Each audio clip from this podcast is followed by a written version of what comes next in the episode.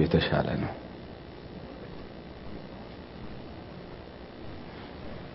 ይነው አገልግሎትም ያልፋል።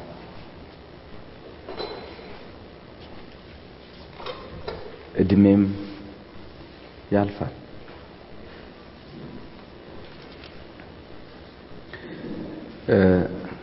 በህይወትህ አቺቭ አደርጋለሁ ብለህ የምታስበውም ያልፋል።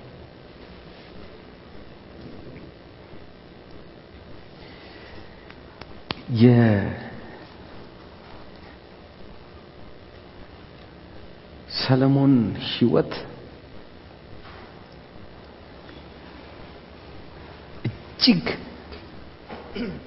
እጅግ እጅግ በላይፍህ ውስጥ የሰለሞን ህይወት አስተማሪክ ይሁን። ከመንፈሳዊ ሰው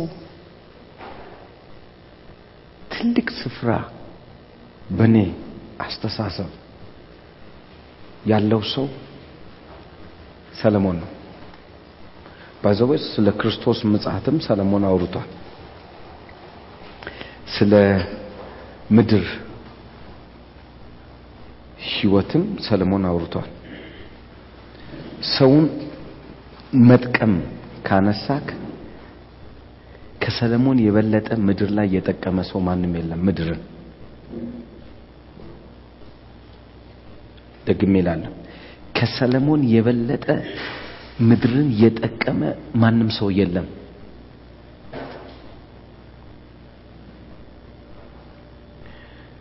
እልፍ ብለህ ስትመጣ የመንፈሳዊ ብልጭታን ካመጣህ ደግሞ እንደ ሰለሞን የመንፈሳዊ ብልጭታ ኖሮት ያለፈ ሰው የለም።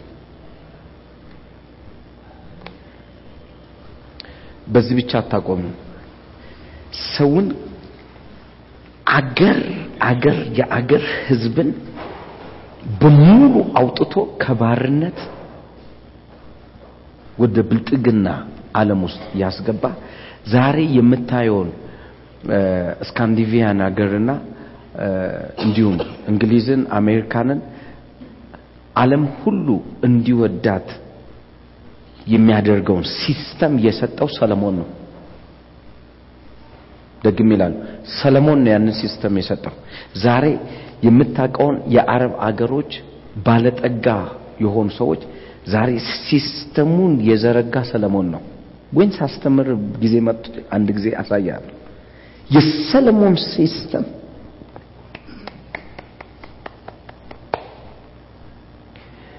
አንድም የአገሩ ህዝብ ማለት የአገሩ ነዋሪ ዜጋ የሆነ ደሃ እንዳይሆን ያደረገ system የዘረጋ ሰለሞን ነው። በዛ በኢየሩሳሌም በምትባል አገር ላይ ወይም ደግሞ እስራኤል በምትባለው አገር ላይ ምድሪቷ ላይ ወርቅ እንደ ኮረት እንዲሆን ያደረገ ሰለሞን ነው።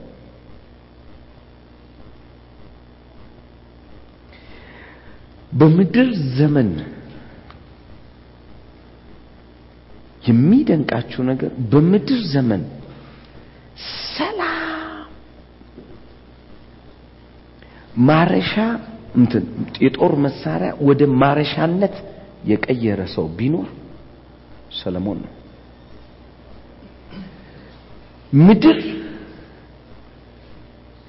የሰማያዊው ዓለም ላይ ገነት የተባለውን ህይወት ገነትን ወደ ምድር አምጥቶ ገነት ይችን ትመስላለች ብሎ በምድር ላይ የሰራ ሰለሞን ነው። የሚደንቅ መጽሐፍ ቅዱሳችን ላይ ሰለሞን እንስሳትን በአንድ ላይ ማርባት ማኖር እንደሚቻል ያሳየ ሰለሞን ነው። የሚፈልገውን ለእንስሳ ከሰጠክ እንስሳ እርስ በራሱ እንደማይባላ ያሳየክ ሰለሞን የቤት እንስሳዎች ብሎ ሰዎችን፣ አራዊቶች፣ ውሾች ምናም ብሎ አሳድጎ ከነበረበት የህይወት መስመር civilized የሆነ society ያፈራ ሰለሞን ነው። ሰዎች በ argument ማለት በጦር መሳሪያ የሚያምኑትን ወደ ንግግር ህይወት የለወጠ ሰው ቢኖር ስርወ መንግስቱን የህይወት ስርወ መንግስት የዚህ የስልጣናት በጦር በመሳሪያ በምናምን የሚሆነውን የቀየረ ሰው ቢኖር ሰለሞን ነው። መጽሐፉን ስታነበው ይህን ሁሉ የሰራ ሰው ይህን ሁሉ የሰራ ሰው ይነው የእንግሊዝ መንግስት የመጀመሪያ የዚህ አንግሎ ሳክሶን የሚባለው በሰዎች በመቶ ሀያ ሰዎች መመራት ብሎ ያወጣው የሰራው common እንትን የሚባል አለ እነሱን የሰራው። even እንኳን የመጀመሪያው ዓለምን እንዴት መግዛት ይቻላል colonize ማድረግ ይቻላል እንግሊዝ ያልገዛቻቸው አገሮች የሉም። still አሁንም ድረስ በእንግሊዝ ስርወ መንግስት የሚተዳደሩ አሉ። እንደነ ካናዳ ኦስትሪያ ምና አውስትራሊያ እነኚህ ሂዩጅ የምትላቸው አገሮች በእነሱ ስር ናቸው still ይህን ሁሉ ቅርጹን ያስያዘ ሰለሞን ነው እንዴት በምክር አገር መምራት እንደሚቻል ያስተማረ ሰለሞን ነው። ፓርላማ ብሎ ያቋቋመ ሰለሞን ነው። ይሄ ሰውዬ ግን ፋይናል የመጣበትን የህይወት መስመር ያወራውን እንስማ። የሰው ልጅ መቼም ሁሉ ኖሮት ሁሉ ላይ ገብቶ በሁሉ ውስጥ አልፎ አንድ እውነትን ሲይዝ ከዛ የዚህ ሁሉ ነገር ምንጭ የሆነውን የህይወት መስመር ዛሬ በደንብ እንመለከታለን። አንድ ነገር ሚስ ሲያደርግ በጣም የሚገርመው የእስራኤል መንግስት መከፋፈል የጀመረችው በማን ነው? በሰለሞን ነው። ሚስ አድርጎ ይችኛዋን የህይወት መስመር ነበር ይዟት የሚሄደው የነበረው። መሀል ላይ ተዋትና የራሱን እንደ ዓለማዊ እንደ ህያው እንደሆነ ፍጡር ሰዎች መንቀሳቀስ ሲጀምር ሉዝ ካረገ በኋላ ባነነ። በባነነ ጊዜ ከውድቀቱ በኋላ ነው ሰለሞን ይህንን የጻፈው። መክብብ መጽሐፍን እንመልከተው ከውድቀቱ በኋላ ስለሆነ የጻፈው። ለርን ካደረገ በኋላ ነገሮች ይህ ለካ እንደዚህ ነበር መሆን የነበረባቸው ብሎ የመጨረሻው ኑዛዜውን ሲያወራ እንስማ። ሰው የሚፈልገውን ነገር ሁሉ አደረገ። በሰው ጭንቅላቱ ውስጥ መድረስ achieve ማድረግ አለብኝ ብሎ የሚያስበውን ሁሉ achieve አደረገ መስራት አለብኝ የሚላቸውን ነገሮች ሁሉ ሰራ። ማድረግ ያለብኝን ያለውን ሁሉ አደረገ። ከዛ ግን ሲባንን ለካ የነገር ሁሉ ኪ የነበረው ነገርን አስተዋለ። ለሰዎች ግን የመጀመሪያ ትምህርት ነው ብሎ ግን ሰጠን። እኛ ደግሞ ዛሬ ሰለሞን እንደፈለገው መንፈሳዊ ነገር መፈለግ እንፈልጋለን። ሰለሞን እንደፈለገው የምድራዊ ነገር እንፈልጋለን። ሰለሞን እንደፈለገው ሀያልነት ታላቅነት ራስን ማሰልጠን እንፈልጋለን። የሚደንቃችሁ ነገር ሰለሞን በመጨረሻ ግን ከባነነ በኋላ ጻፈልና አንተ ጠቢብ መሆን ትፈልጋለህ? አለው እችን ነገር ብታደርጋት ከዚህ ሁሉ ይበልጣል አለ እኔ ከደረስኩበት ስልጣን እኔ ከደረስኩበት አቅም እኔ ከደረስኩበት ህይወት እኔ ከደረስ ካለኝ ሀብት ይበልጣል። ያለውን ተመልከተው። የነገሩን ሁሉ ፍጻሜ እንስማ። ይህ የሰው ሁለንተናው ነውና። የሰው ምንድን ነው ሁለንተናው በቃ የሰው ልጅ ሁለንተናው ነው። okay ወደዚህ ላሳያችሁ። ሰለሞን ሲነግስ በጭንቅ የነገሰ ሰው ነው ደግማችሁኝ ስሙ ሰለሞን ሲነግስ በጭንቅ ነው። ዳዊት ከአፉ አምልጦት ባሏ ሲሞት ማለት ባሏን ሊገድል ሲመጣ መንገድ ላይ አግኝታው ነው ይቺ ሴት ባሌ ሰነፍ ነው። ቃሏን ስሙ። ባሌ ሰነፍ ነው። ብትገለው ሰነፍ ሰው ብትገድል ምን ምንድን ነው ያንተ ጀግንነት ብላ ስታወራው ጠቢብ ሴት ስለሆንሽ ምክንያቱም ለዳዊት እየበረሩ ስለመጡ ቁርስ አልበሉም ወይ ምሳ አልበሉም።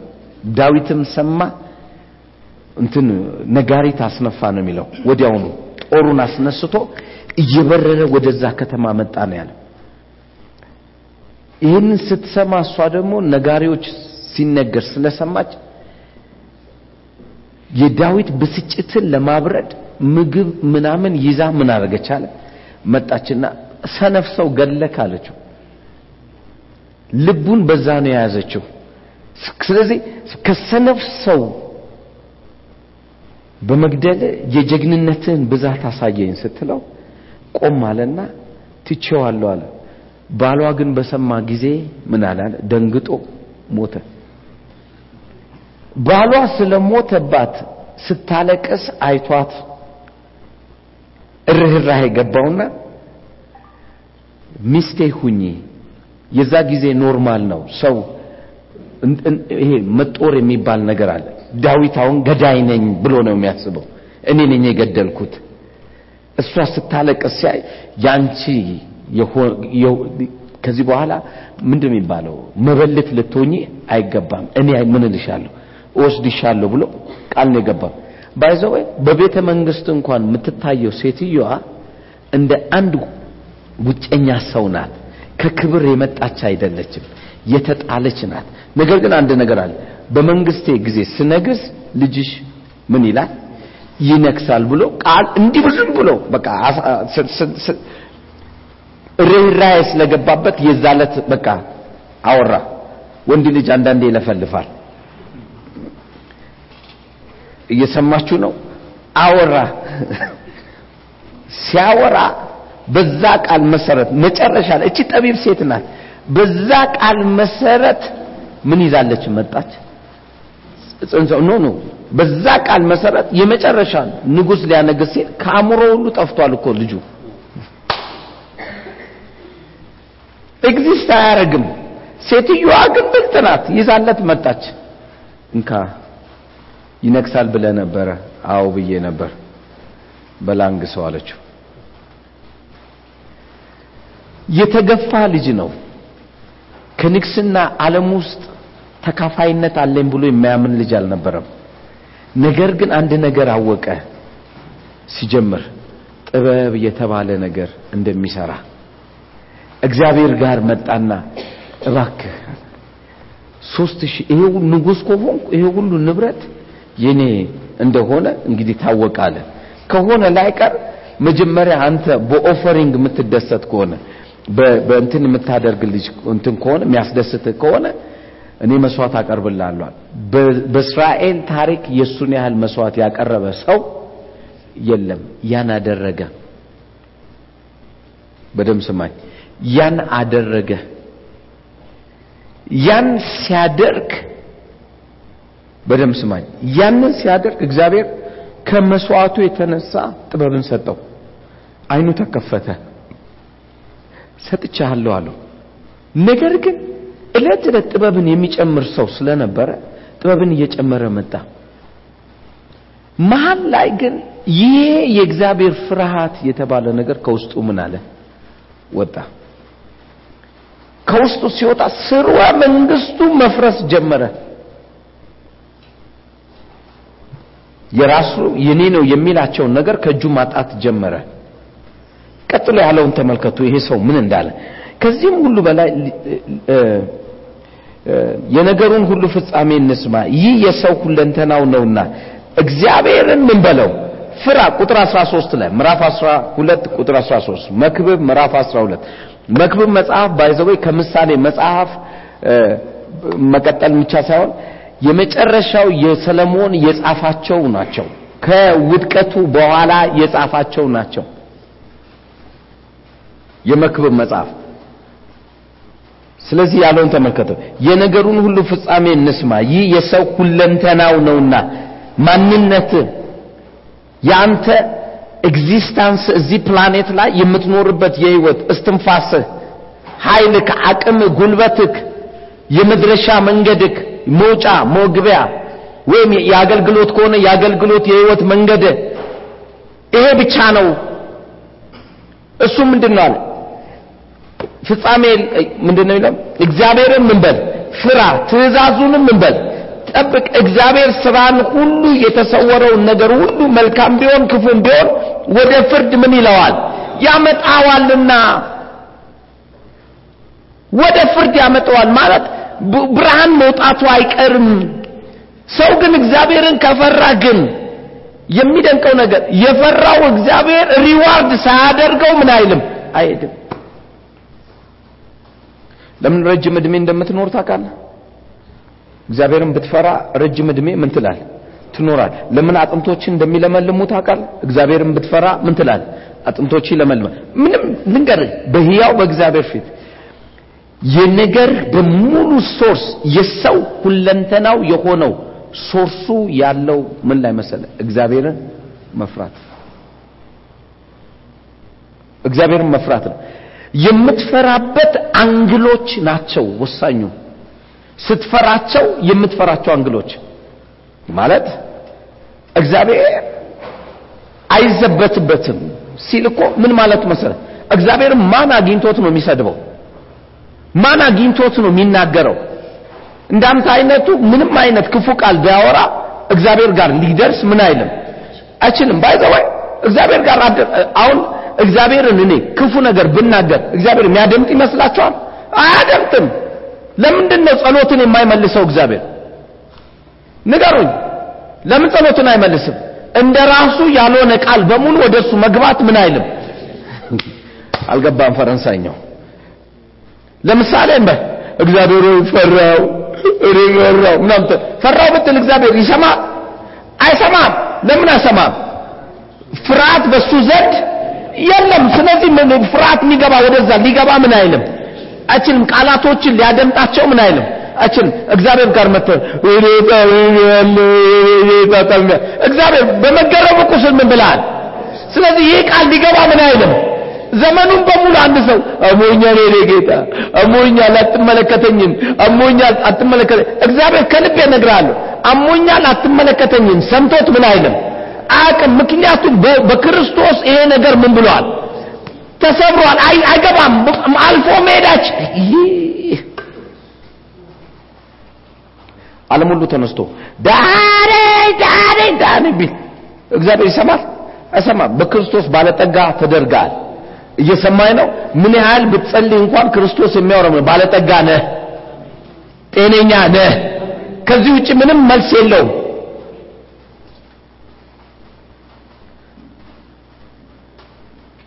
ለምን ይመስላችኋል? ሰው እግዚአብሔርን ፍለጋ በየገዳሙ በየምናምኑ በየምናምኑ እየሄደ ይፈልገዋል ያለቅሳል ይጮሃል።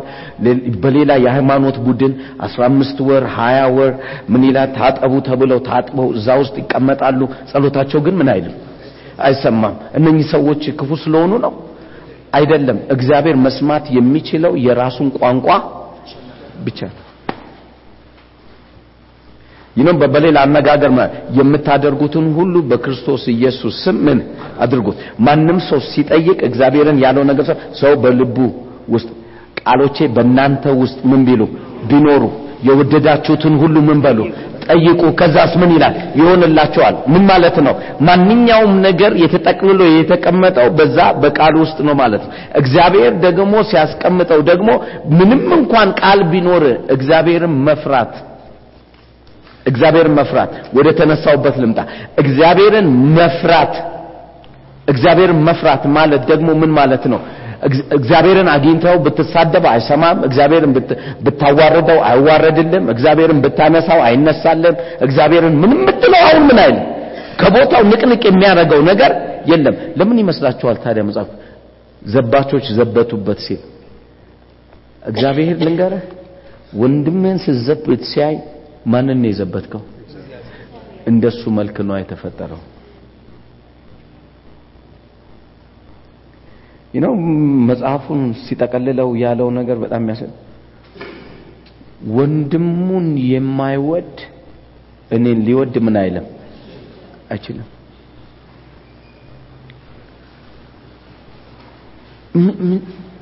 አሮ ነው ይሄ meaningless ምንም value የማይሰጥህ ከሆነ ወንድሜ ዝም ብለህ ግንብ ምን መግፋት ያህል ነው በ life ህ ግንብ መግፋት። ለወንድምህ ክፋት የምታስብ ከሆነ ለወንድምህ የሆነ መሰሪ የሆነ ነገር የምታስብ ከሆነ ለወንድምህ የሆነ ነገር የምታስብ ከሆነ ኢቭን ባልተረጋገጠ ነገር እጅን አስገብተ የሆነ ነገር የምታደርግ ከሆነ ግድግዳ እንደ መግፋት ነው ህይወትክ በሙሉ ግድግዳ ምንም የሚንቀሳቀስ የለም። ግን ይቡሽ ይቡሽ።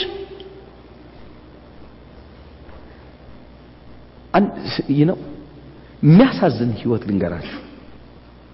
ተመሳሳይነት ስላለሁ ከክርስትና ህይወት ጋር ብዙ አማኞች በዚህ ህይወት ውስጥ ስለሚኖሩ አፊል ፔን ምን መሰለ ስራ የሚሰሩ ሰዎች አላያችሁ? ቀን ተነስተው ጠዋት ስራ እየሄድክ ነው? አዎ።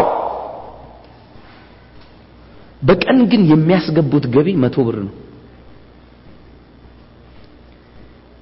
ልዩ ያላቸውን አቅም በሙሉ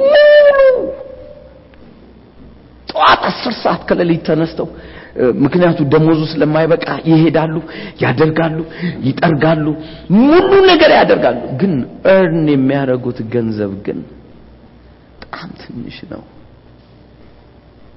ግን እያደረጉ ነው። እየደከሙ ነው። ብዙ ጉልበት ይከፍሉ ይሆናል። አንዳንዱ ጠዋት ተነስቶ ሄዶ ይጠራርጋል ያደርጋል። እንደዚህ ይፈጥራል እንደዚህ ግን በቀን ሂሳብ ውስጥ ስትመጣ ኢኩድቢ ሰላሳ ብር ሊሆን ይችላል በቀን ሂሳብ ስታመጣው። በወር ሰላሳ ጊዜ ሰላሳ ሲመጣ ስንት ነው የሚመጣው? እ? ዘጠኝ መቶ ብር። ተቆራርጦ እጁ ላይ ስንት ይገባል? ዘጠኝ ከዛ ምን ህይወትን እየሰራ ነው። ስራ እየሰራ ነው? መስሪያ ቤት አለ አዎ። መታወቂያ አለ አዎ ግን how much you earn? 900 ወደ ክርስትና ላምጣ። ባልተረጋገጠ ባልሆነ ባልተፈጠረ ነገር የሰውን ስትነካ እንደዚህ ምናምን ነው ስትሳደብ ወይም ደግሞ ስትዋሽ or ደግሞ የሆነ ነገር ግን put yourself እዛ ውስጥ እና finally እያደረግኩ ነው። እውነት ነው እየሰራ ነው። አንድ ሰው በአንድ ሰዓት ውስጥ ሶስት ሺህ ብር እርን የሚያደርግ ሊሆን ይችላል። ስራ እየሰራ ነው? አሁ እየሰራ ነው። ይሄኛው ግን በአንድ ሰዓት ውስጥ ሰላሳ ብር ነው እርን የሚያደርገው። አንዳንዶቻችን ላይፋችንን ሁሉ ሰተን ነው እዚህ ቤት ያለ ነው ላይፍን ሰተ ህይወትን ሰተ ኑሮህን ሰተ ጊዜህን ሰተ ወደዚህ ስትመጣ ወይ የነዳጅ ትከፍላል ወይ የታክሲ ትከፍላለህ ወይ በእግር ይሆናል መጣ ወይ የጫማህን sole እየበላ ይሆናል የምትመጣው።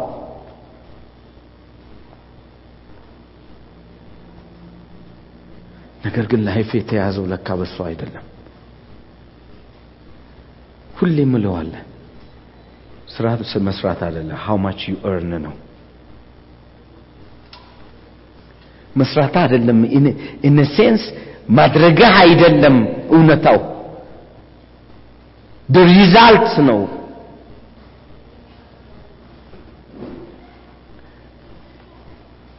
ለምሳሌ ጠዋት ተነስተ ወደዚህ ቤት ትመጣለህ። ጠዋት ተነስተ ትመጣለህ። በጠዋት መጥተህ ሰው ታገኛለህ? እንዴት ናችሁ ሰላም ናቸው። አሁን እንጠጣ ሻይ ሻይ ትጠጣለህ ተመልሰህ ትመጣለህ? ትቆያለህ? ከዛ የት ነው የምትውለው? church። Your benefit በሰው ላይ የምትፈጥረው ነገር ምንድን ነው ምን አይነት ተጽዕኖ አለክ ምን አይነት ተጽዕኖ ነው ያለ ምን አይነት ነገር ነው ከአንተ ጋር ያለው? እዚህ መተ ውሎክ ስለሆነ ስለዋልክ church ስለዋልክ ሰው ሁሉ ያወራል። church ነው የሚውለው church ነው የሚገባው church ነው የሚወጣው church ጋር ነው ያለው። Doesn't mean anything. እዚህ መተ ምን ያህል ሰዎች ላይ ነው invest የምታደርገው? እዚያ እዚህ መተ ምን ያህል ሰዎች ላይ ነው ራስህን ምን የምታሳየው? ማለት የተቀመጠው ውስጥህን የምታወጣው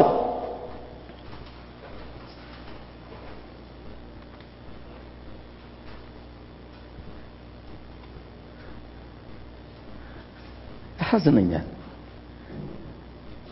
በጣም ነው የሚያሳዝነኝ በህያው በእግዚአብሔር ፊት።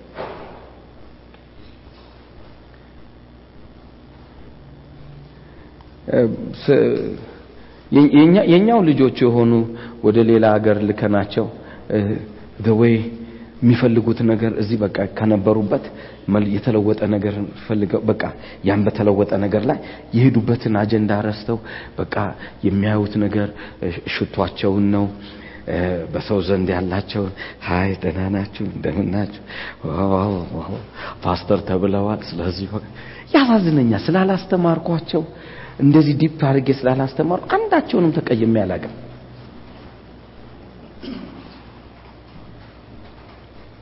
ስለዚህ አሁን እያንዳንዷን እየመለስኳት እዚህ ምን እያረኳት ነው? እያስተማርኩ ነው።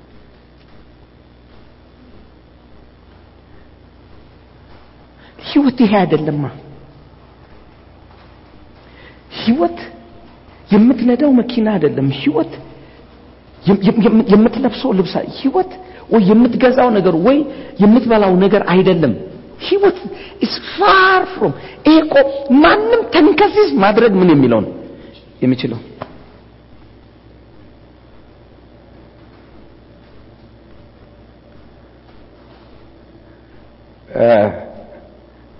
ይሄዳሉ ቁጭ ይላሉ። በሄዱበት ቦታ ላይ ለምሳሌ ፓስተር እንትናን ታውቋል? አውቀዋለሁ። ምን እባክህ ደግሞ? የኛ የሆነ ነገር ፓስተር እንትና እሱማ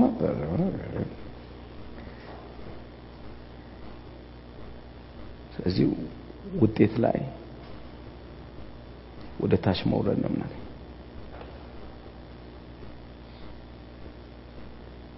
እግዚአብሔርን ስትፈራ አውሽ እድሜ ወደ ኋላ ቢመለስ። ጥቅስ ፈልጉልኝ ብያለሁ። አውሽ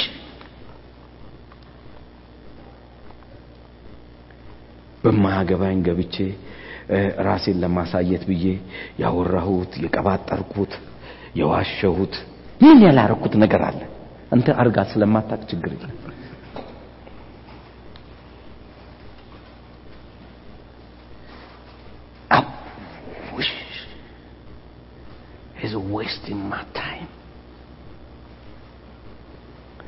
እሱ እንዲቀበለኝ ብዬ ምን ያስደስተዋል? ምንድን ነው ምንትን የሚያስደስተው? ስለዚህ ከእሱ ሀሳብ ጋር መስማማት እሱ ያስደስተዋል ብዬ በዚኛው ደግሞ ያውም ከዚህ ተቃራኒ ነው ግን ይሄኛውን ይዛለ እሱን ለማስደሰት እሱን ለማስደሰት እሷን ለማስደሰት ብዬ ደግሞ እሱ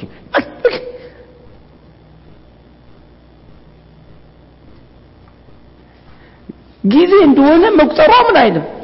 አይቀርም። እድሜም ይመርሻል ምንም ከዛ በኋላ ስትማምን ከልቤ እነግርሃለሁ። ሃው ማች ነው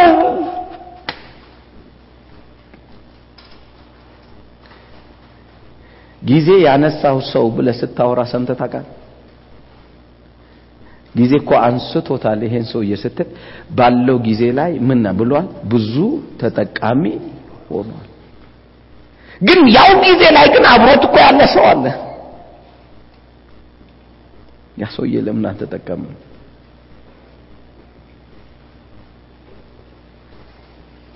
ከልቤ ልንገራችሁ። ረጅም ነገር የምታስቡ ሰዎች ህይወትን በአጭር መግደል ማትፈልጉ አሁን ያላችሁበት አይደለም ትልቁ የህይወት መስመር አሁን ያላችሁበት አይደለም ራሳችሁን የሚነግራችሁ አሁን ያላችሁበት አይደለም ማንነታችሁ። ረጅም ጉዞ ለምታስቡ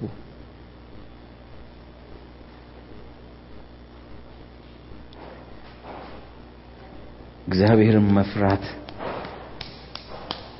የነገሮችህን ፍጻሜ ፊት ላይ ያመጣልሃል። ያ ማለትም መሰለ ሀምሳ ዓመት ኖረ የሚመጣልህን ነገር በአንድ ዓመት ውስጥ ወደ አንተ የሚመጣበት መንገድ ልምከርክ፣ እግዚአብሔርን መፍራት ነው። ምክንያቱም እግዚአብሔር አጀንዳ አለው። አጀንዳ የሌለው አምላክ አይደለም። አጀንዳ አለው። ያውም የከበረ ያውም እጅግ በጣም ሊረዳክ የሚችል አጀንዳ ከምንም አንስቶት ንግስና ላይ አስቀምጦት በንግስናው ደግሞ ጦር መሳሪያ ሁሉ ተቀይሮ ወደ ማረሻነት የተቀየረበት አገር ሁሉ የሚያርፍበት ሰው ተራ የሆነ አንድ ልጅ እንዲነግስ እንኳን በሌሎች ነብዮች ያልተፈለገ ልጅ ሄሬዲቲው ሲጠና በርህራሄ በርህራሄ ዳዊት ያወራለት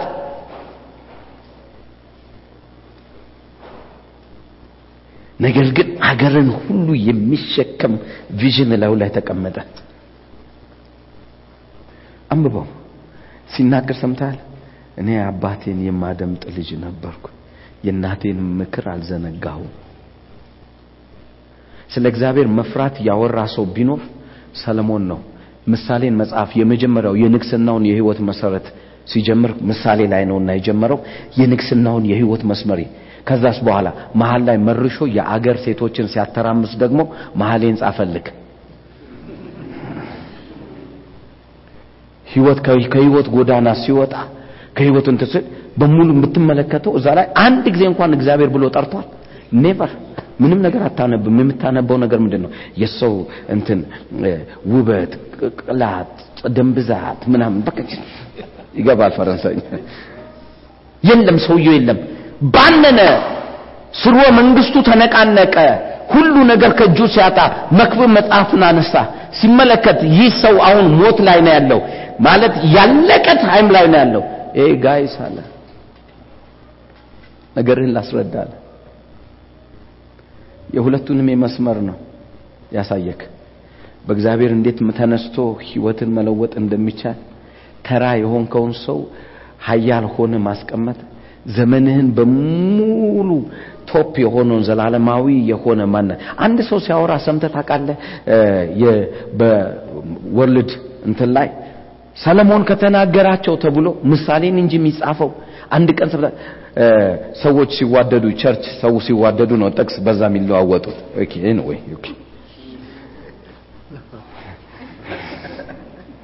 ሰለሞንም ጽፈዋል ምናምን ብሎ እንጂ ከዛ ውጪ አታነብም።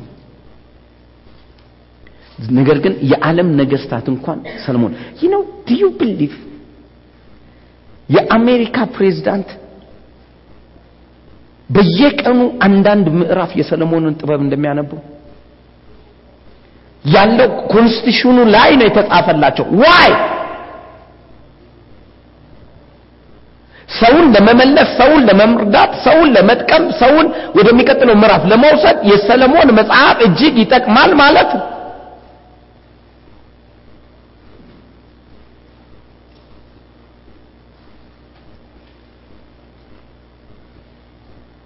ሰው ልጅ peaceful የሆነ life ለመኖር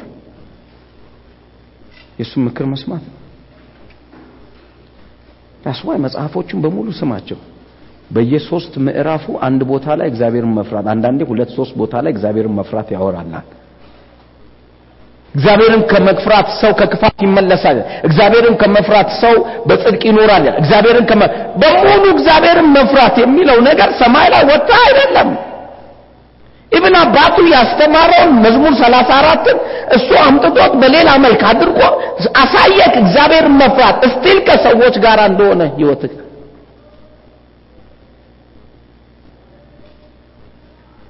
fast የሆነ ኑሮ መኖር ትፈልጋለህ? ማለት ሩጫን ፈጥነ መጨረስ ትፈልጋል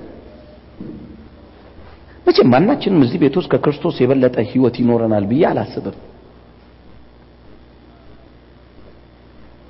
መጽሐፉ ያስቀመጠው ነገር የሚደንቅ አባባል ነው። እግዚአብሔርን በመፍራቱ ጸሎቱ ምን አለ ተሰማለት። በቀለ እግዚአብሔርን በመፍራቱ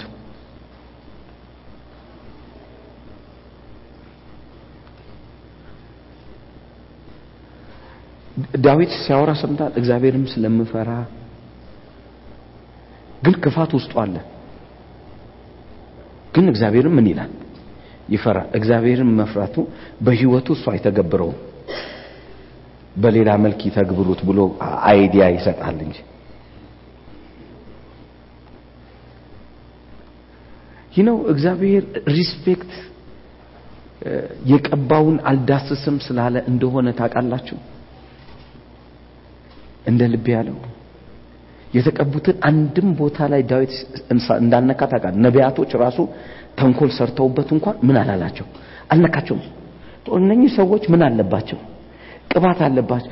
እግዚአብሔር respect ያደረገውን ሰው ምን ያደርጋል? respect ያደርጋል። or else እስቲ ዛሬ ተመልከት። ማንም ሰው ምንም ለማውራት ችግር የለበትም እና ሂ ወንት ብለሲንግ ህይወት የእግዚአብሔር መለቀቅ ህይወት የእግዚአብሔር እጅን ምናምን ይፈልጋል። በቃ እግዚአብሔር የሆነ ነገር እንዲሰጥ ማጉድራ በዚህ ነግለት ውስጥ እንደ ደመና የሆኑ ከፊት የሄዱ ሰዎች አሉ። ይህ ጳውሎስ የመጨረሻ ብልጥ ሰው እንደሆነ ጳውሎስ አቤጊው የእሱን መጽሐፍ የጳውሎስ መጽሐፍን እስቲ አንብበው። ይህ never never never accuse ሲያደርግ አትመለከትም። የፈለገ ሰውን የሚለው ነገር ምን እንደው? ይናገርና right ም ይሁን wrong ም ይሁን እንዲህ ያደረገ አለ ካለ በኋላ ዞር ይልና እኔ ይቅር ብየዋለሁ እናንተ ምን በሉት? ይቅር did you see ሰውየው ላይ እንደያዘ አይቆይም። አበሳጭቶት እናንተ ሰዎች ልምጣላችሁ በሰይፍ በግር በምን እንድመጣ ታስባላችሁ እናንተ ሰዎች ወደ እናንተ ስመጣ እንደ በፊቱ በብዙ ፍርሃት እንዲሆን አጠብቁ። በኃይል ልምጣ። ቃላችሁን አውቃለሁ እንጂ ደግሞ ንግግራችሁን አውቃለሁ እንጂ እኔ እኮ እኔ ማን እንደሆንኩ አውቃለሁ ብሎ እዛ እነሱ ጋር ሲመጣ ለምሽ ሆኖ ሄዶ ሌላ ቦታ ሲጽፍ የብዙዎቻችሁን በእንባ እያለቀስኩ በብዙ ልመና ነበርኩ በእናንተ ጋር በነበርኩ ጊዜ ሄዶ እኮ ልምጣ ልግደላችሁ ያለው ሰውዬ እዛ ሄዶ ለምሽ ሆኗል። አንዳንድ ሰው ምን ይላል? በቃ ልምጣ ብሏል መጥቶባቸዋል ምናምን። ጳውሎስን አጥናው፣ ዝም ብለህ መደዳ አንብበው። ጳውሎስን አጥናው። ስታጠናው በጣም እኮ ይደንቀኛል። የጳውሎስ አንድንም ሰው እኮ አያስከፋም። እንዴት ብዬ ላስረዳ? እንዴት ብዬ ላስረዳ?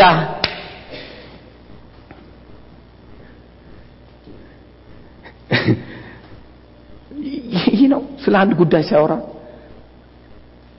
ስለ ትዳር አውርቷል፣ ስለ ልጆች አውርቷል፣ ስለ ድንግልና አውርቷል፣ ስለምና አይታ እያንዳንዱ ውስጥ አጥናው።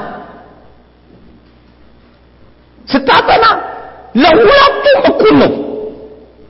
ለምሳሌ ድንግልና ያገባ መልካም አደረገ፣ ያላገባ ደግሞ የተሻለ አደረገ። ደግሞ ከሚቃጠል ቢያገባ ይሻለው። ጃንደረባም የሆነ ሰውዬ በደስታ ይጮዋል።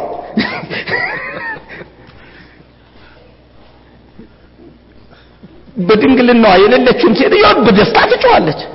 ምክንያቱም መልካም አደረገች። ለሁሉም balance እዚህ ጋር ስትመለከት ምንድን ነው ሲባል አንድ ነገር ነግራችኋለሁ። ሴት ልጅ እንትን ትሸፋፈን፣ እንዲህ ትሁን፣ እንደዚህ ትሁን።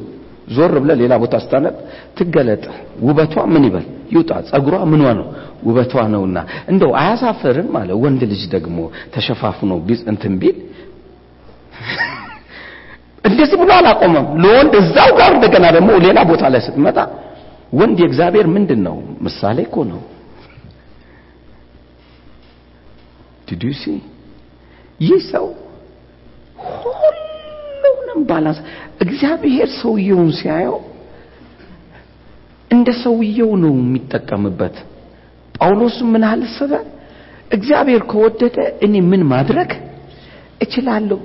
game is over እስቲ የያዝከው እግዚአብሔር እማ ብሎ ያውቃል? የያዝከው እግዚአብሔር ክፉ ተናገር ብሎ ያውቃል? የያዝከው እግዚአብሔር ይሄ ሰውዬ ጤነኛ ነው ጤነኛ አይደለም ብሎ ያውቃል የያዝከው እግዚአብሔር as it is ነው የሚቀበልክ ለምሳሌ ተንኮለኛ ሐሜተኛ ውሸተኛ የሆነ ሰውዬን አገኘኸው።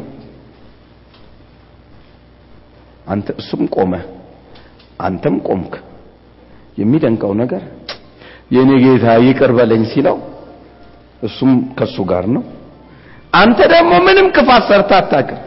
እስቲል ካንተ ጋርም ነው። እና እግዚአብሔር ተጠየቀ እንዴ እግዚአብሔር fair ሁን እንጂ ስትል fair የሚባል ነገር የለም።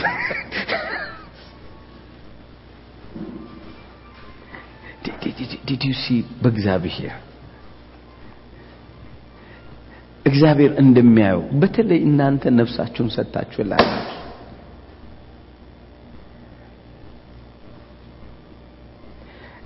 የምትፈልጉት ነገር ሁሉ ውሸት ነው በህያው በእግዚአብሔር ፊት ውሸት ነው። ሴጣን ሊያስረዳችሁ ይችላል በራሱ መንገድ። እንደ አባት ይሁን ግደለም ውሸት ነው። exist አያረግም ምንም ነገር። አያረግም። አቤጊው አያረግም ነው ሰዎች እንትን ሊሉ ይችላሉ። በህይወታቸው ውስጥ ሰዎች ይሄን ብታገኝ ይሄን እንደዚህ ነው እንደዚህ ነው ብሎ ሊያወሩክ ይችላሉ ጭንቅላት ላይ። ምክንያቱም የውስጥ ፍላጎት ስላለክ ያንን ፍላጎት ያወሩሃል። ይሄ nature ነው። ያወሩሃል። ነገር ግን የሚደንቅ ነገር ያንን ሆነ ስታገኘው ህይወት ባዶ እንደሆነ ይገባል። ብዬ ላስረዳ። I learn 2003 ላይ በነጮች አቆጣጠር 2003 ላይ አሜሪካን ሀገር ሄጄ እያገለገልኩ እያለ የሚደንቅ ነገር አየሁ። ቤተሰቡ ኤርትራዊ ናቸው። ሰውየው ቢዝነስ ጥሩ ሰው ነው። ዱባይ ነበረ ከዱባይ ወደ እንትን ሄደ ወደ ላቲን አሜሪካን ሄደ። ላቲን አሜሪካን ላይ ነገሮች ተገጫጩትና ቦሊቪያ የሚባለው አገር ላይ እዛ አገር ላይ petrol ማለት ነዳጅ ካወጡት ውስጥ share አንዱ እሱ ነው። መርከቦች አሉት። ምን ምድር ላይ የሌለውን ጠይቀኝ በቃ ሁለት ልጆች ነው ያሉት። ሁለቱ ልጆች የሚያደርጋቸው ነገር አቶ እኔ መርከብ ላይ ነው የተጠራሁት። ማለት እዚህ ቦታ ላይ አንድ የሚጸልይ ልጅ አለ። ልጆችህን ቢያናግራቸው ይለውጣቸው። ምክንያቱም ተመሳሳይ ኤጅ ናቸውና ይሰማሉ ምናምን ብሎ የሚያውቀው የእሷ የሚስቱ ዘመድ ምናምን እኔ አውቀዋለሁና ማለት ጸሎት ክርስቲያን ነው። እባክህ እስቲ እናሂድ እኔ ግን ለነሱ ልጸልይ አይደለም የሄድኩት። በህይወቴ ነው ምለ አይ ለርን something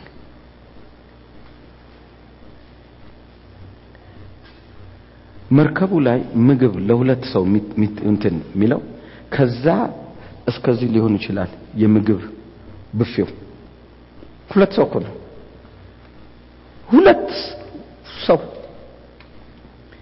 ከዛ እስከዛ አለማጋነን በእግዚአብሔር ፊት ነው ማወራ ልጆቹስ? አይበሉ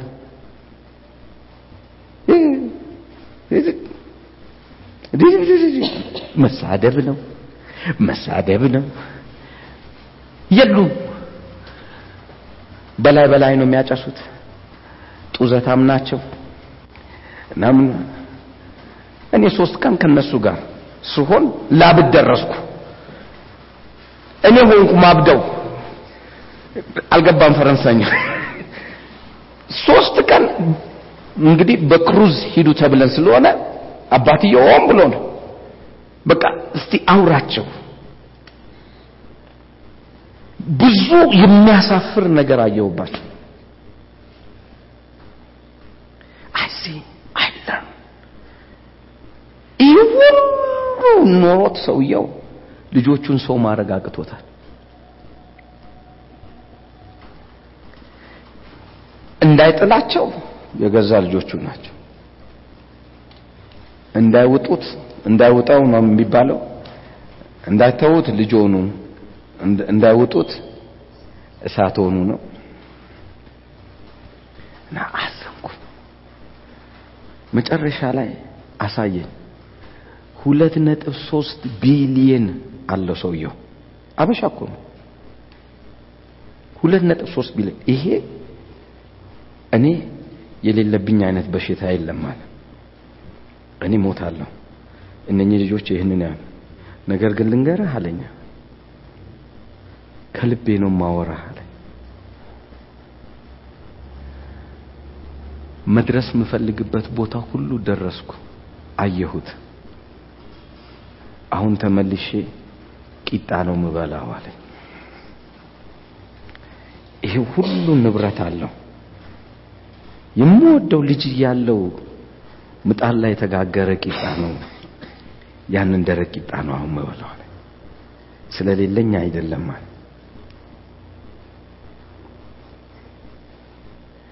ያሳዝናል አለ ሰው ለከንቱ ነው የሚሮጠው። እና ምን እንዳለ ታዲያ? ዳንኤል ሳይ ልጅ ነህ።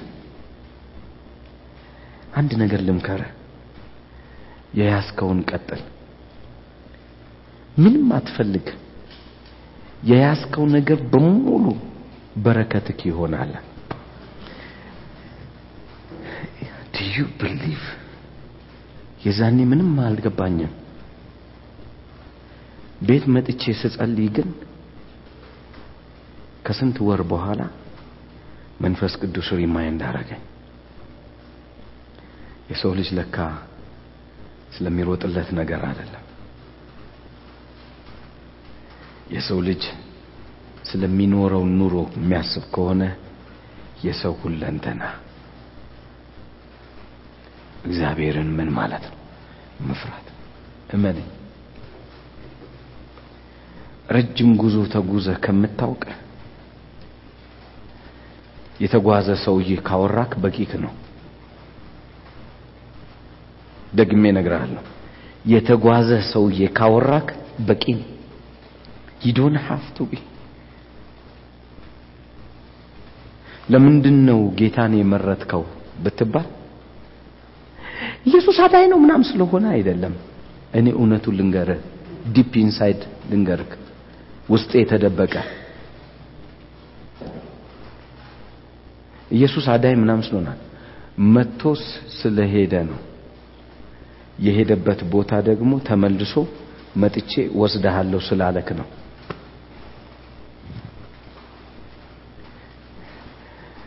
ሌሎች የሃይማኖት ቡድኖች ብዙ ታምራት እንደ ኢየሱስ የሰሩ ታምራት የሚሰሩ አሉ በጥንቆላ ውስጥ ያሉ ብዙ የሆነ ባጋንንቶች የሚሰሩት ብዙ ነገር አለ። ለምንድን ነው በሱ ላይ ማታም ነው ልንገርህ እውነታውን ሄዶ መመለሻ ስለሌለው ነው። ይሄ ግን ከላይ መጣ ላይ ነበረ ወደ ምድር መጣ ተመልሶ ሄድኩ አለ። ስለዚህ at least እሱ በሄደበት መንገድ አባቱን አግኝቷል። እኔም ምን እላለሁ አገኛለሁ ብለ ስላመንክ ነው። እውነታው ይሄች ናት። deep inside ባይገባም ቢገባም ይቺ ናት እውነታው። you have confidence ያውም ስታወራ ሁሉ እዛ ከመሄዴ በፊት እዚህ ጸድቅ ያለው ብለ ነው የምታወራው። እዚህ ህይወታ እዚህ እንዲህ ያለኝ ብለ ነው የምታወራው። did ይሄን confidence የሰጠ መጥቶ በመሄዱ ነው at least ሄዷልና በዛ መንገድ ብሄድ ያገኘዋለሁ አባትን ብለ ስላመንክ ነው ሌሎቹ በሙሉ ሄደው አልተመለሱም ሊመለሱ ምን አላለም አልቻሉም። ከሞት ተነሳ የሚባል እኮ ብዙዎች እኮ የሃይማኖት ቡድን አለ። ኢየሱስ ብቻ እኮ አይደለም ከሞት ተነሳ የሚባል የሃይማኖት ቡድን ያለ። የሲክ ሃይማኖትን ስታመጣው ከሞት ተነስቷል ነው። የቡዲስት ሃይማኖትን ስታመጣው እንትን ነው ሰው resurrect ያደርጋል። ምክንያቱም ይሞታል፣ ከዛ ተነስቶ መጥቶ በእንትን መልክ ይገለጣል። በአይጥ መልክ ይሁን በድመት መልክ ይሁን ስለዚህ ከሞት ተነስቷል ሰውየው ማለት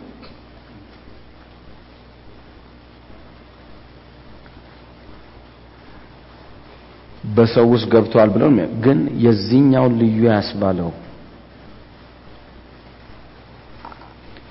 ከሞት በኋላ ታይቷል። ራሱን ሆኖ ለአንድ ቀን ለሁለት ቀን አይደለም ለአርባ ቀን ሙሉ ከአምስት መቶ ለምንበልጥ ሰዎች አይደለ ያለው መጽሐፍ ቅዱስ? አምስት መቶ ለምንበልጥ ሰዎች አርባ ቀንና አርባ ሌሊት አስተማረን። ስለዚህ you have confidence የተወጋው ሌላ ሰው ነው እንዳትል የተወጋውን እያሳያቸው ነው ከልቤ እነግርሃለሁ። ሁሉ አለኝ ብሎ ያወራው ጌታ ሁሉ አለኝ ብሎ የተናገረው ጌታ ሁሉ የኔ ነው ብሎ የተናገረው ጌታ ብትፈራኝ ብሎ ግን አስቀመጠልህ።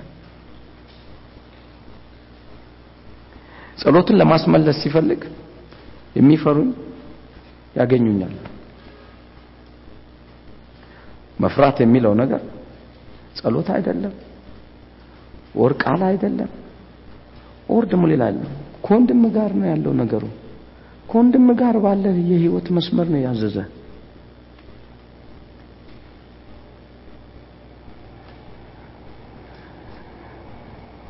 ምኞት አለክ? አውቃለሁ። ለምኞትህ ግን መፍትሄ የሚሆን ነገር ልንገር ምኞትህ እንዲሞላል?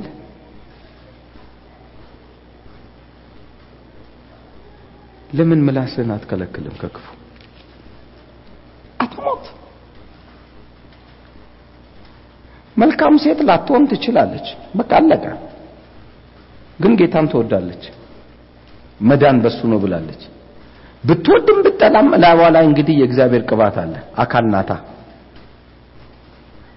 ተዋት እየሰማችሁ ነው። ተዋት።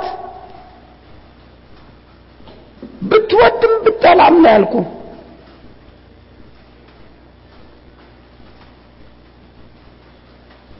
ወላ ልጅ ሆነ ኢቭን መልአክ ያለባቸውን ህፃናቶች አይደለ እንዴ ኢየሱስ ተዋቸው እንዳትነኳቸው ያለው? የአባቴን ያለ ክብር ይገባቸዋል ያለው?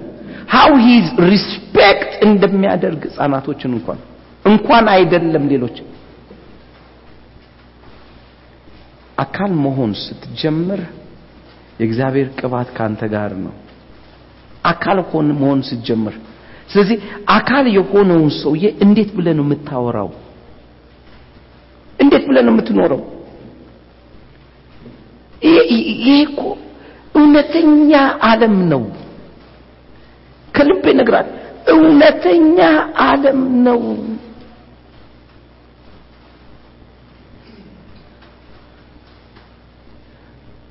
ምን ይሰራልሃል ዋጋ ለማያወጣልህ ነገር ሚዛንህን ብትመዝ ነው።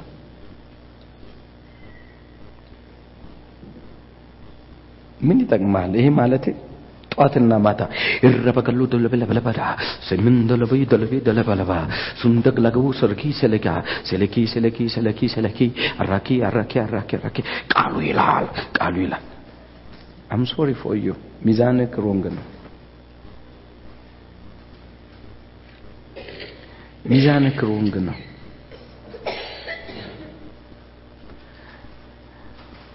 ብዙ ያየኋቸው ሰዎች አሉ። በእግዚአብሔር ቤት ውስጥ የሚተጉ።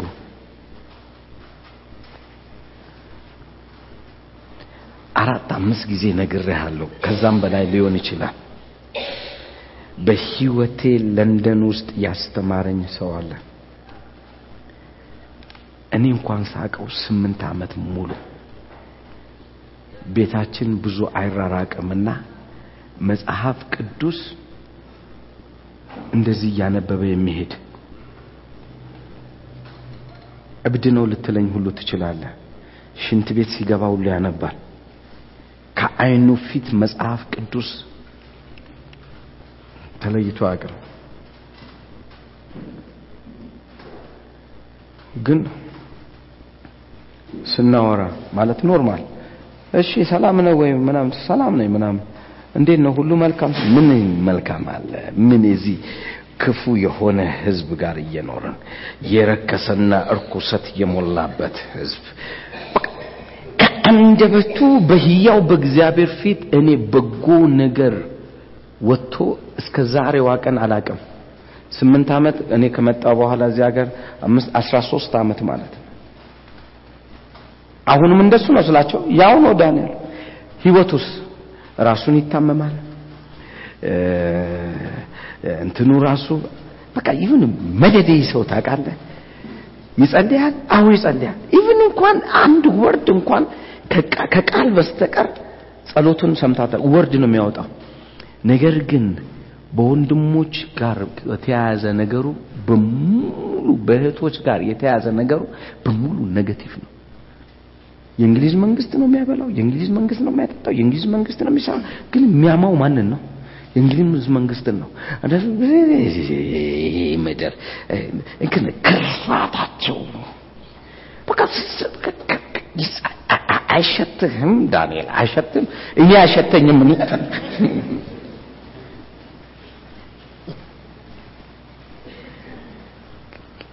እንዲህ ብዬ ለእኔ ትልቅ አስተማሪ ነው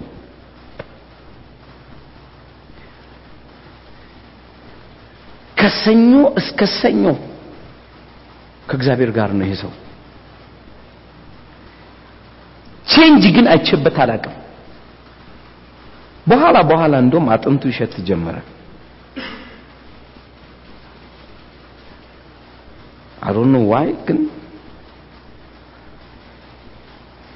ምን እንደደረሰ አላቅም ግን ይሄ ሰው በመንገድ ሲሄድም ሲተኝ ሁላችንን መሰክራ ሁሉ ሰው ሊመሰክርለት ይችላል። መጽሐፉን ይዞን ስለሚዞር።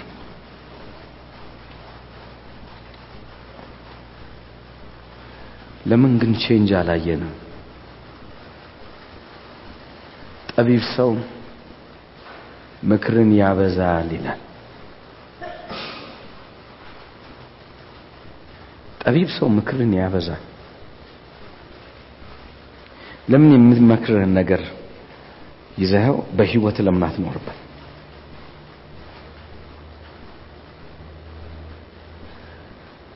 ብትለጉም እንደው አውሽ። ይህን ድንገርህና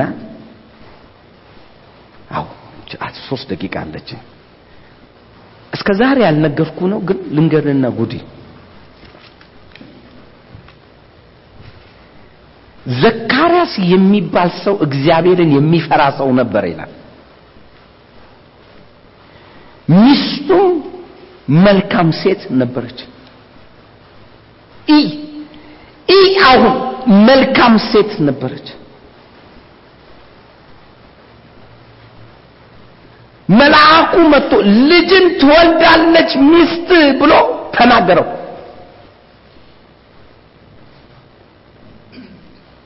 ይህ እንዴት ሊሆን ይችላል? ምክንያቱም ሚስቱ አርጅታለች። ይህ ሊሆን እንዴት ይችላል ሲል እንዴት እንዲህ ትለኛለህ? ይህ ሰውዬ መልካም ሰው ነው ግን ውስጠኛው ልቡ ከዚህ በፊት ጸልዮ ጸልዮ ጸልዮ ጸልዮ መቀበል የሚባል ነገር ምን አላለም?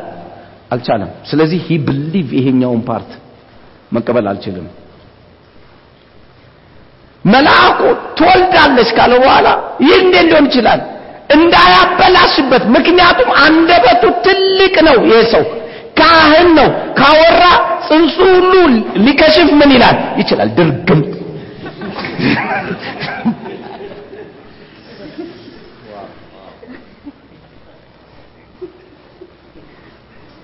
See?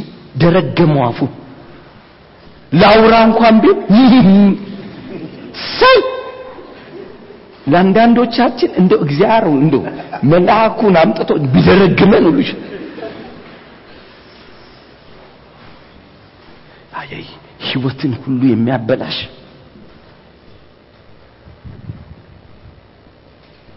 የሚመጣ መንገድ ጠራጊው እንዳይመጣ ዘካርያስ ሊያቆም ይችላል።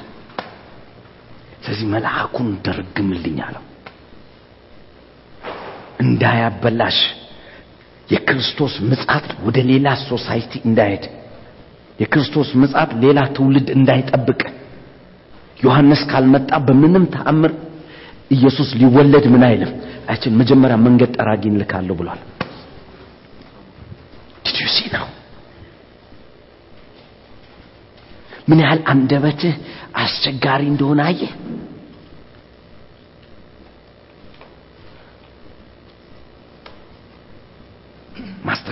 የፈለገው እግዚአብሔር አንደበትን ነው።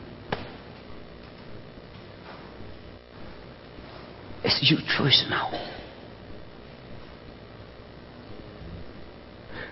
በምትፈልጋቸው ሰዎች ፊት smooth ሆነ ትታያል በሌላኛው ፊት ደግሞ ያ smooth የሆንከውን ሰውዬ ስትወጋው ታገኛል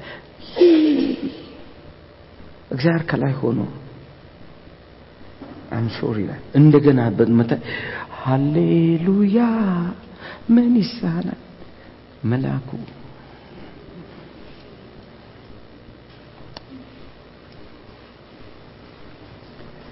አውሽ! እንዳንተ በአስራ ዘጠኝ ዓመት የሚያስተምረኝ ሰው ባገኝ።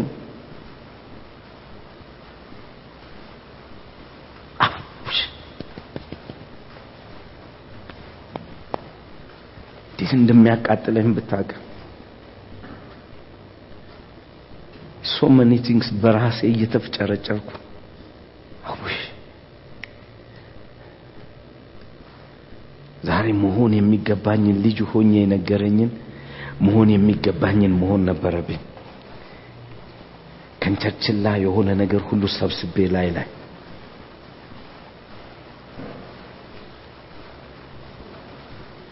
በአንድ ሌሊት አይሆንም። አይ ነው አይ አንደርስታንድ ትራይ ቱ ቢ ለመሆን በቃ ሞክር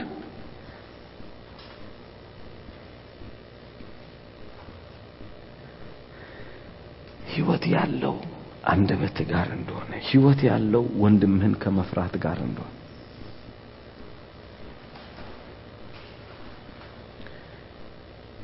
ይነው ሽሽ ሲለ መሸሽ የምትችላቸው ነገሮች ስለሆኑ ነው መሸሽ ይቻል እንትና እንዴት ነው ምናምን ሲል ደህና ነው። ሰው ነው ግን እሱ ምናምን ሲሉ ሽሽ። ሰው ቢሆን ለራሱ ነው ባይሆን ለራሱ ነው ጉሬዛ ቢሆን ለራሱ ነው።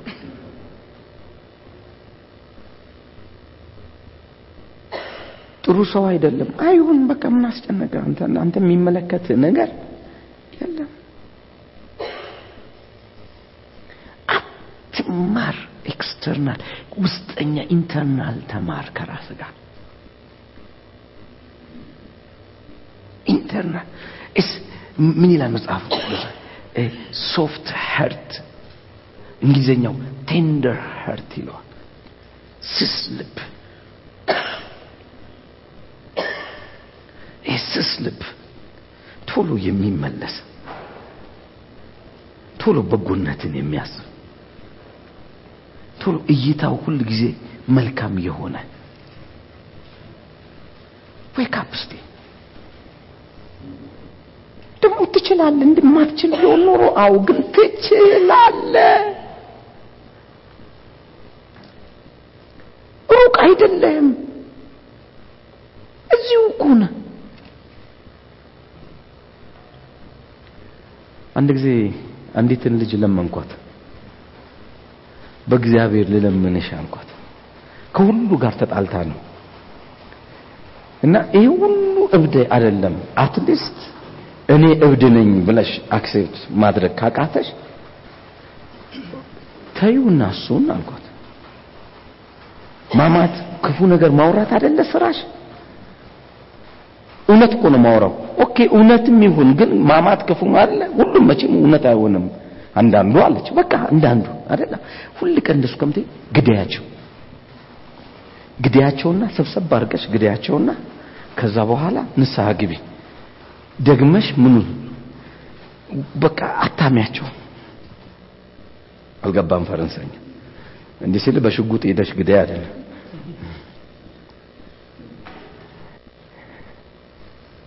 በእኔ እይታ ይሄ ሰው ምን ብሏል ሞቷል ይሄ ሰው ሞቷል ይሄ ርካሽ ነው ይሄ ሰው ሞቷል ርካሽ የሞተ ነገር ደግመ ልታነሳው ምን አትልም አትችልም በቃ ስለዚህ ሞቷል ሞቷል ሞቷል ሞቷል ሞቷል በቃ ግዳያቸው በቃ ናቂያቸው በቃ አንቺ እዛ ውስጥ እንደሌለሽ አድርገሽ ራስሽን count አድርግ በቃ ሌላ ሰውን ስለዚህ ሰዎቹ ከሰው ስለማቆጥሪያቸው ጭንቅላትሽ ውስጥ ሊጻፉ ምን አይሉ አቻሉ የሙት ወቃሽ ልትሆኚ ምን አትል አችን በቃ ቸስቴ ከዛ በኋላ የራስሽን ጀምሪ አልችልም። አልችልም አዎ ኪያስ አንቺ ሞተሻል እኔ።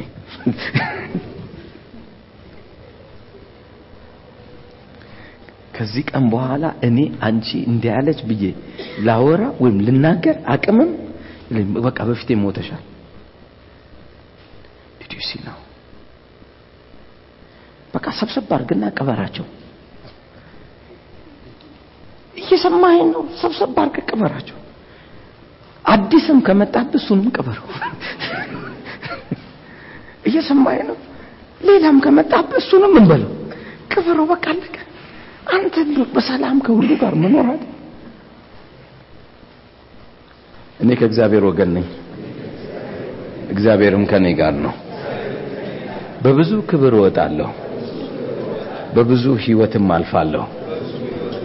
ቸርነትና ምህረት ተከትለውኛል አሁንም አምናለሁ። አንተም በመፍራት ውጤታማ ሆናለሁ። ተፈጸመ